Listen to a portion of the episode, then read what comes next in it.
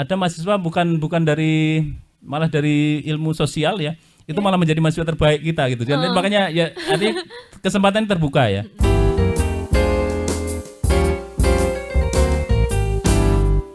Assalamualaikum warahmatullahi wabarakatuh. Semangat pagi, Sobat Polinela. Selamat datang kembali di Polinela Podcast. Wah, bagaimana nih kabarnya Sobat Polinela semua? Semoga dalam keadaan tetap sehat dan semangat ya. Nah, di episode kali ini sa- bersama saya Rika Mary Azleni akan membahas kembali mengenai salah satu program studi yang ada di Politeknik Negeri Lampung. Nah, eh, telah hadir bersama saya seseorang yang sangat luar biasa dengan jiwa semangatnya ya Pak ya. Nah, di sini ada Ketua Program Studi Produksi Tanaman Pangan, Bapak Dr. Dulbari. Halo Bapak, bagaimana kabarnya? Eh, saya buka masker ya Oh iya, boleh Oke, Pak. oke, oke.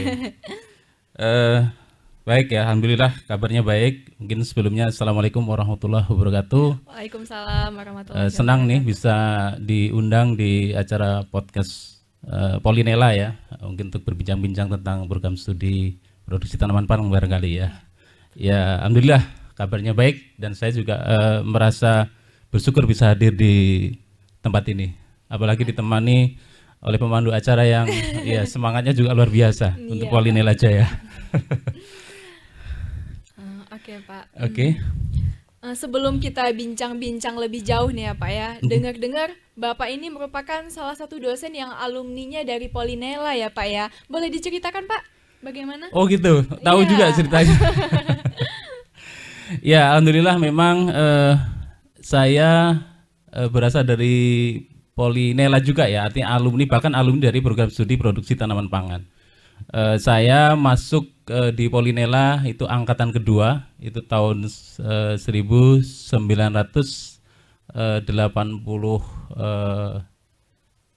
ya.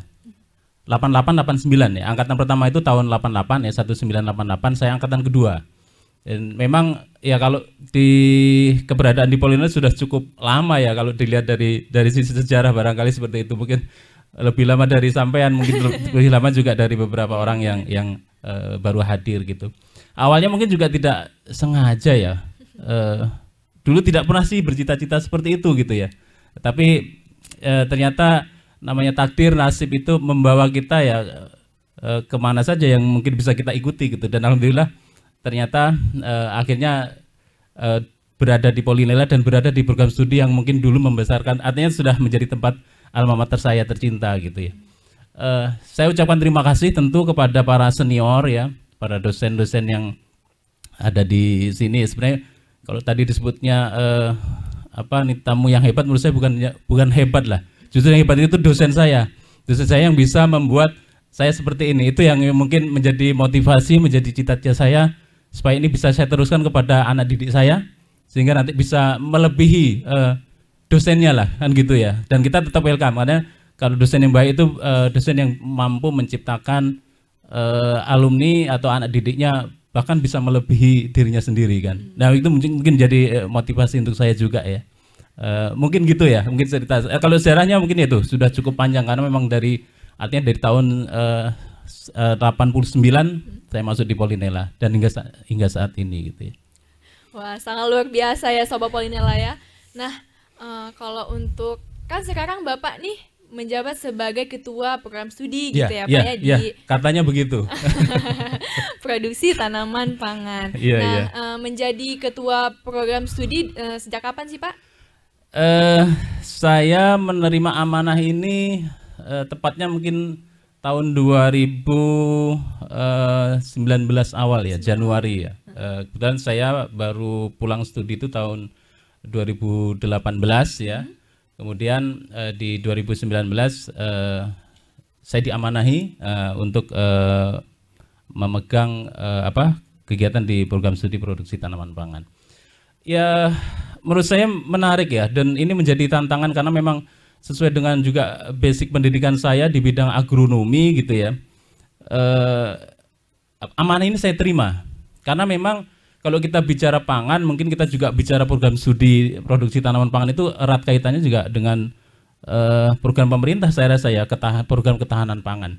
Dan pangan ini memang kalau kita bicara serius ya pangan itu merupakan hal yang serius sehingga program studi ini ya memang harus uh, harus tetap eksis, harus tetap uh, berkembang gitu harapannya karena memang pangan itu menunjukkan uh, salah satu apa uh, satu hal yang memang uh, kalau kita bisa katakan tuh uh, pokok untuk ketahanan ketahanan sebuah bangsa ya, ketahanan negara gitu ya. Pangan merupakan sumber gizi.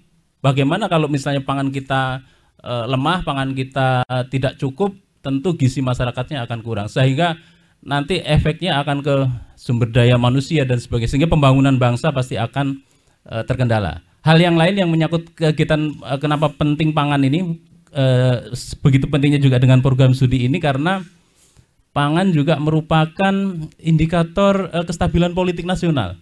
Ketika kita pangan kita lemah, ya pasti di situ nanti akan banyak berbagai hal muncul ya kerusuhan ya ketika mungkin ekonomi uh, tidak baik ya uh, karena pangan karena pangan ini menjadi tolak ukur ya uh, ketika pangannya tercukupi ya tentu kestabilan politik akan terjaga. Tapi kalau pangan kita lihat sejarah beberapa kali uh, kejadian di negeri ini hal-hal yang penting itu diawali dengan uh, misalnya uh, pangan yang yang kurang ya. Nah, pangan yang kurang uh, tahun uh, tahun-tahun dulu ya ketika mungkin uh, barangkali belum lahir ya. Kita ada apa uh, kegiatan demo mahasiswa yang besar itu ya. Ada uh, zamannya uh, akhir Presiden Soeharto ya itu tuntutannya itu diawali dengan uh, uh, tentu diawali dengan kelangkaan pangan. Jadi pangan Begitu juga dengan uh, pengalaman di Presiden Soekarno itu diawali dulu dengan uh, apa kesulitan pangan. Nah, pangan ini menjadi hal yang penting. Makanya program studi produksi tanaman pangan ini ya kita harapkan ke depan berkembang lebih baik gitu sehingga menjadi andalan bagi kita semua ya. Uh, dan harapannya peminat anak-anak muda kita itu uh, menyukai program studi ini sehingga nanti akan berkiprah di kegiatan produksi tanaman pangan yang menjadi uh, tolak ukur atau ketahanan pangan nasional ya. ya. Saya rasa demikian. nah, uh, sekarang kan Bapak sudah menjadi orang nomor satu ya di program studi produksi tanaman pangan. Nah, bagaimana sih Pak rasanya menjadi uh, orang yang nomor satu gitu di program studi produksi tanaman pangan itu sendiri? Uh, saya rasa uh, agak berlebihan lah kalau uh, orang yang nomor satu ya. Kalau menjadi apa? uh, gerbong yang membawa program studi ini mungkin yeah. ya, tapi tetap ya uh, kita didukung uh, itu yang saya senang ya kita didukung oleh para senior yang ada di program studi produksi tanaman pangan, kemudian juga uh, disupport juga oleh uh, para dosen-dosen muda mm karena di di produksi tanaman pangan juga uh, ada empat dosen muda yang uh, menurut saya fast uh, kapasitasnya kemudian semangat kerjanya juga luar biasa yang itu yang membuat uh, saya semangat. Jadi uh, ketika mungkin saya uh, diamanai untuk me, apa, membawa gerbong pro, prodi tanaman pangan ini ya dengan adanya potensi tadi ya dukungan dari para senior kemudian uh, rekan kerja yang muda-muda dari dosen muda ini juga luar biasa tentu uh, saya sangat uh, apa ya uh, semangat juga untuk semangat. akhirnya tertular juga gitu semangatnya kepada saya sehingga ya kita berupaya untuk memberikan yang terbaik untuk program studi ini ya mungkin iya. dengan beberapa inovasi yang uh, coba kita keluarkan lah supaya uh, kita menjadi uh, salah satu program studi yang unggulan di hmm. Polinela saya Nah kita sudah sedikit lebih banyak ya menyinggung produksi tanaman pangan. Nah, untuk lebih jelasnya lagi nih Pak, mungkin Sobat Polinela di rumah uh, bertanya-tanya nih Pak, hmm, hmm, apa sih program studi uh, produksi tanaman pangan itu? Nah, kalau boleh tahu nih Pak, apa sih produksi tanaman pangan itu? Ya, kalau kita bicara tentang tanaman pangan tentu eh, secara garis besar ya di program studi ini dipelajari ya eh, tanaman yang kaitannya dengan tanaman eh, produksi tanaman pangan ya. Eh, secara spesifik barangkali ke kita bicara tentang padi ya. Kemudian ada jagung, ada kedelai gitu ya. Kemudian ada tanaman-tanaman eh, umbi yang lain ada eh, porang juga kita pelajari. Jadi kaitannya lebih ke produksi tanaman pangan ya secara umum. Tapi juga secara spesifik uh, kita juga mempelajari juga hal-hal yang terkait misalnya uh, sistem pertaniannya itu juga kita pelajari. Misalnya salah satu unggulan di program studi produksi tanaman pangan adalah pertanian organik. Oh, pertanian nah, di pertanian organik ini uh, mungkin kita ada beberapa keunggulan yang bisa kita sampaikan nih kepada para uh, pendengar kepada para pemirsa ya.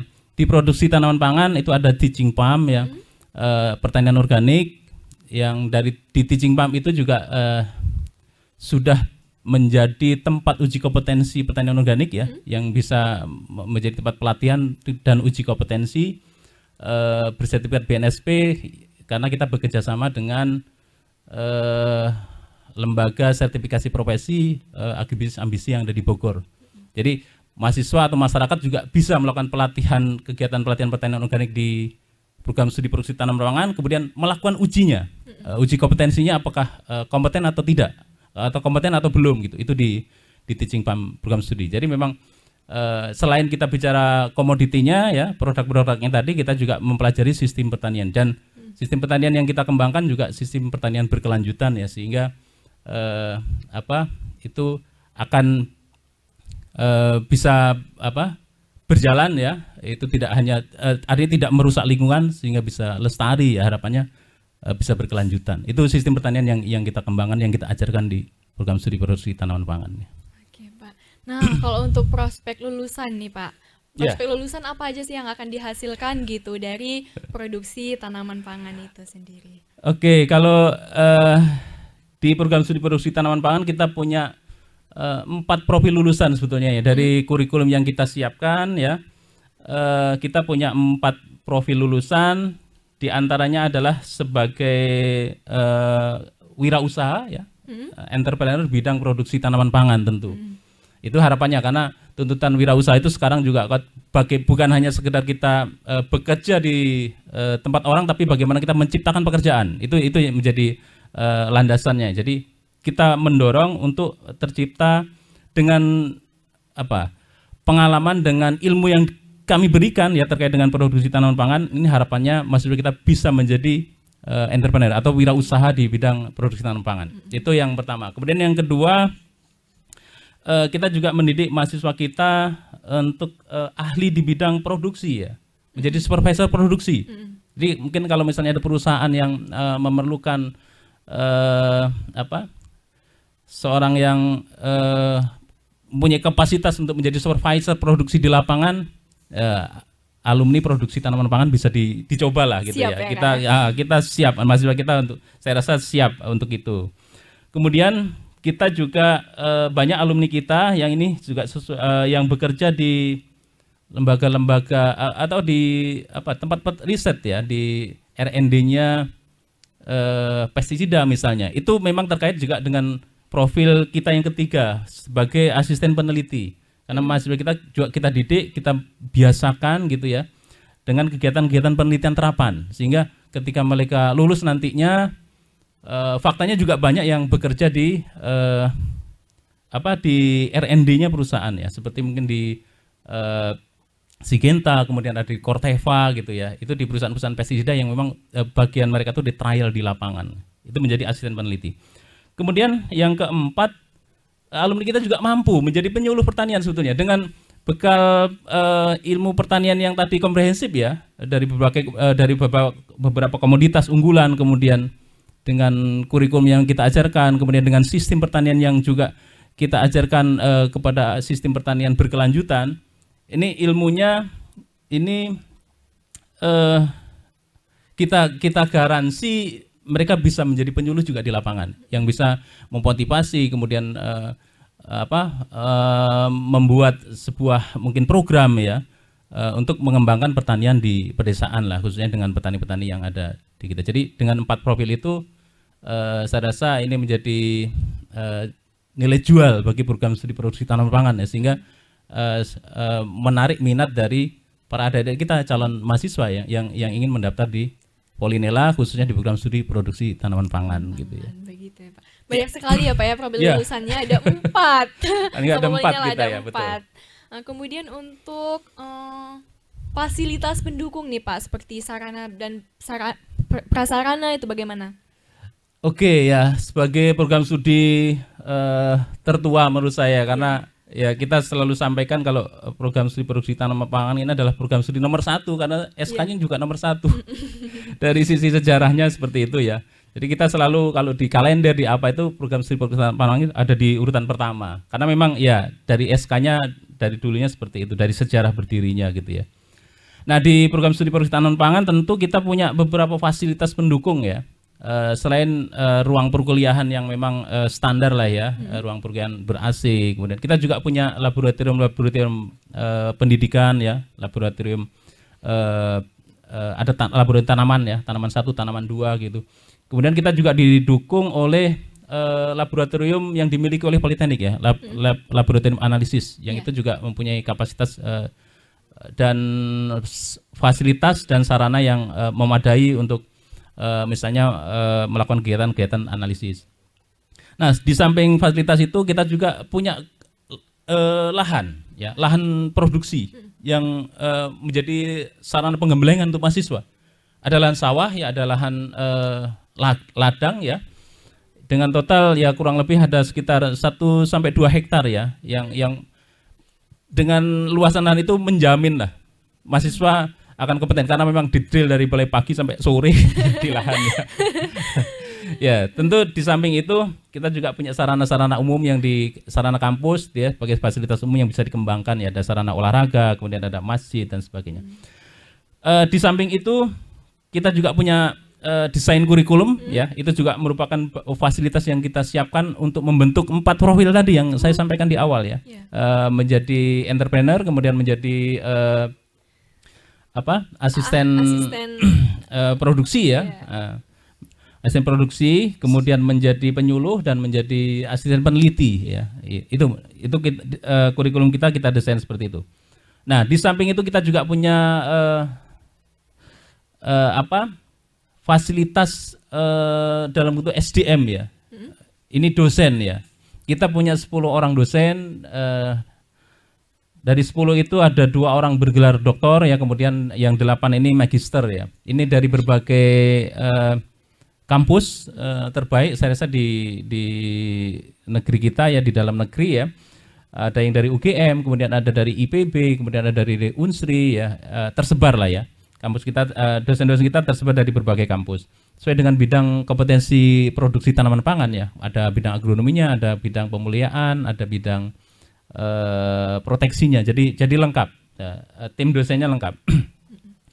Di samping itu memang ini juga merupakan keunggulan di prodi kita. Kita punya uh, kerjasama. Ya selain dosen prodi ini juga um, kerjasama dengan iduka ya. Industri dunia usaha dan dunia kerja. Nah di Iduka ini juga banyak ya. Kita jalin kerjasama dengan mereka uh, untuk sebagai tempat pembelajaran ya. Mungkin pelatihan dosen juga kita lakukan di situ ya uh, kemudian uh, apa kegiatan PKL mahasiswa itu yang banyak ya. Bahkan kita punya dari Jawa itu hampir seluruh wilayah di Jawa itu ada. Uh, kita punya kerjasama dengan uh, Jember ya uh, dengan dengan pusat pengembangan edamame di Indonesia ya uh, PT Mitra Tani 27 di Jember. Mahasiswa kita PKL kita kirim PKL di sana. Kemudian juga di Banyuwangi itu ada uh, sebuah perusahaan swasta ya kita juga bisa kirimkan uh, mahasiswa kita ke sana di Balitkabi mahasiswa kita juga masuk gitu ya. Kemudian di Jogja itu ada di Tani Organik Merapi kemudian di Jawa Tengah itu ada pertanian terpadu Jawa Barat banyak sekali ya. Kemudian BPTP Lembang itu juga kita eh, ada kerjasama industri seperti itu. Di Corteva di Sigenta yaitu mahasiswa kita juga magang bahkan bekerja di sana. Nah satu hal yang mungkin terkait dengan kerjasama Iduga ini yang dipunyai oleh program studi produksi tanaman pangan kita menjalin juga dengan dosen praktisi. Jadi hmm. kita mengundang dari yeah. mereka untuk uh, menjadi dosen tamu di tempat kita ya. Namanya dosen praktisi. Nah ini sudah kita lakukan ya. Jadi kita mengundang langsung praktisi untuk memberikan ilmunya karena perkembangan teknologi di dunia luar ini tentu eh, bisa lebih cepat kadang ya dari dari kampus kita sehingga uh, kita berikan uh, kesempatan kepada mereka untuk berbagi ilmunya sehingga kita tidak ketinggalan. Ya, itu itu salah satu kiat uh, yang menjadi fasilitas di kita uh, untuk mengembangkan program studi ini uh, dengan harapan ya tadi profil lulusannya bisa tercapai dan alumni kita bisa diterima. Mungkin satu lagi ya terkait dengan uh, sarana prasarana ini kita punya keunggulan uh, sistem pembelajaran kita yaitu didukung dengan teaching farm. Oh, ya, teaching farm program studi itu banyak sekali teaching farm yang uh, yang yang sudah kita kembangkan ya mulai dari pertanian organik salah satunya tadi. Hmm. Kemudian ada teaching farm edamame, hmm. ya ini kita menjadi eh, pusat produksi edamame di Lampung ya, di Politeknik ya. Itu di, eh, di IG-nya juga bisa dicek ya. Kita ada kegiatan pengembangan edamame di Lampung, kemudian ada produk eh, teaching dari teaching park kita itu eh, beras unggulan ya, beras hitam ya, padi hitam dan beras merah. Selain memang beras putih ya. Jadi kita di produksi tanaman pangan itu mengembangkan itu. Jadi padi itu ada padi hitam, padi merah, padi putih itu kita kembangkan. Kemudian juga jagung manis, eh, kemudian porang juga saat ini sedang kita kembangkan. Jadi terkait dengan eh, komoditas unggulan di program studi produksi tanaman pangan, eh, insya Allah eh, semuanya kita kita fasilitasi dan kita kembangkan di sini ya. Nah. Begitu ya Pak ya. Kemudian eh, menarik sekali ya Pak ya Ya. produksi tanaman pangan ini untuk eh, adik-adik mahasiswa calon-calon mahasiswa baru yang mungkin masih di rumah gitu yang mungkin menyaksikan podcast kita pada hari ini. Oke. Nah, mungkin juga mereka penasaran nih Pak, bagaimana sih syarat-syarat untuk bisa masuk gitu di program studi produksi tanaman pangan ini? Ya kalau pengen eh, masuk ke program studi produksi tanaman pangan ya sebenarnya syaratnya satu ya. Pertama harus lulus SLTA dulu lah. Iya. kalau belum lulus kayaknya mungkin nggak bisa kita terima gitu ya. Nah kemudian yang SLTA ini eh, kalau kita lihat sekarang ya SMU, SMK itu bisa masuk ya karena eh, kesempatan belajar itu eh, ternyata nggak bisa kita batasi. Kalau mungkin zaman saya kuliah dulu yang bisa masuk ke produksi tanaman pangan atau PTP ini mungkin hanya dari SMA IPA ya, dari IPS itu tidak bisa. Tapi sekarang ya karena eh, perkembangan zaman menurut saya ya ilmu itu bisa didapat dari mana saja dan bisa dipelajari tentu saja. Nah kita buka kesempatan luas. Jadi dari program studi IPS juga bisa masuk ya. Dari SMK pertanian tentu saja itu sangat nyambung ya. Dari SM SMU yang jurusan yang eh, IPA juga eh, sangat pas gitu ya. Jadi kita menerima dari eh, apa berbagai lulusan lah ya. Nah, dari berbagai- malah di di dari data pengamatan kami gitu ya. eh, itu ada mahasiswa bukan bukan dari malah dari ilmu sosial ya itu malah menjadi mahasiswa terbaik kita gitu. Dan makanya ya artinya kesempatan terbuka ya sehingga dengan kemauan yang keras tentu saja kalau eh, mungkin beda jurusan kemudian kemauannya rendah ya tentu akan bermasalah tapi kalau dengan niatan yang kuat seperti saya contohkan tadi eh, mereka bisa lulus dengan bahkan dengan indeks prestasi yang terbaik ya itu artinya eh, kita terbuka ya bisa menerima dari lulusan apa saja gitu Oke, begitu ya Pak ya. Nah, untuk beasiswa dan mungkin eh, ataupun jalur masuk gitu Pak, bagaimana untuk program studi ini? Oke, kalau untuk jalur masuk ya selama ini kita juga eh, apa mengikuti jalur makis jalur masuk eh, penerimaan mahasiswa baru yang dikembangkan di Politeknik Negeri Lampung ya. Tapi ada beberapa hal yang mungkin yang bisa saya sebutkan di sini eh, bisa lewat jalur eh, seleksi nasional masuk Politeknik Negeri ya SN MPN. Ya. Nah, itu juga ad- ada jalur itu, kemudian ada jalur eh, penelusuran minat kemampuan akademik ya. PMKAB, kemudian ada jalur seleksi bersama masuk Politeknik Negeri SBMPN. Ya. Kemudian ada jalur ujian mandiri juga, kita juga menerima mahasiswa dari eh, jalur itu. Kemudian ada satu lagi jalur yang ini spesifik ya, khusus gitu seleksi program beasiswa sumber daya pertanian Lampung. Mm-mm. Ya, ini jalur beasiswa kerjasama dengan eh, pemerintah daerah Daerah. Provinsi Lampung. Iya, program studi produksi tanaman pangan itu menjadi salah satu prodi yang dipercaya eh, untuk menerima eh, beasiswa ini. Kita saat ini sedang ada eh, satu kelas ya baru masuk karena eh, kemarin sempat eh, off ya pergantian kepemimpinan daerah. Nah sekarang itu berjalan kembali dan ada 23, 27 mahasiswa yang seka- saat ini sedang semester 2 itu ada di produksi tanaman pangan mendapat beasiswa penuh dari pemerintah Daerah. daerah provinsi Provinsi Lampung. Lampung. ya. Nah, kalau untuk ini Pak, eh, ada rencana pengembangan nggak di Pak eh, alih jenjang gitu, begitu dari Oh, gitu. D3 ke D4 begitu untuk program studi produksi tanaman pangan? Ya, ini isu yang memang sekarang sedang trending dan memang menjadi eh, apa eh, harapan dari pemerintah ya untuk program studi program studi D3 itu dialih jenjangkan ke program studi D4. Tentu kami sambut baik ya. Karena beberapa alumni ini juga hasil tracing study kami yang masukan dari alumni dari IDUKA juga berharap kalau eh, pro- program studi produksi tanaman pangan ini kalau bisa mengeluarkan mahasiswa eh, apa lulusan itu setara dengan S1 lah ya. Eh, sarjana terapan lah harapannya begitu. Jadi dengan dengan adanya masukan dari alumni tadi, kemudian dari masukan dari Iduka ya, ya itu juga akhirnya kita sambut baik. eh, di samping memang ini menjadi program concern pemerintah juga eh, untuk membuka program D4 ya, memperbanyak program D4. Program studi tanam pangan saat ini sedang menyiapkan eh, instrumennya untuk alih jenjang. Mudah-mudahan di akhir bulan itu bisa kita upload sehingga eh, ke depan ya program studi ini akan menjadi program studi eh, sarjana terapan atau D4 ya. Mengikuti mungkin eh, saudara-saudara kita di program studi D4 yang lain yang sudah ada di Politeknik ya. Kami menyambut baik ya. Justru ini menjadi salah satu kekuatan kami kalau memang bisa eh, dialih jenjangkan sehingga program studi produksi tanaman pangan ini ke depan itu bukan lagi jenjang D3 tetapi eh, sarjana terapan jenjang D4. D4, Harapannya eh, itu bisa terkabul ya. Harapan Amin. kami amin ya. Kita berharap seperti itu. Wah, sudah banyak sekali yang kita bahas ya Pak ya. Iya. Eh, untuk profit lulusan yang eh, ada banyak sekali ya Pak ya ada empat tadi Eh, Iya, ada entrepreneur, betul, betul. asisten penyuluh, Iya. asisten produksi, kemudian yang terakhir tadi ada apa Pak?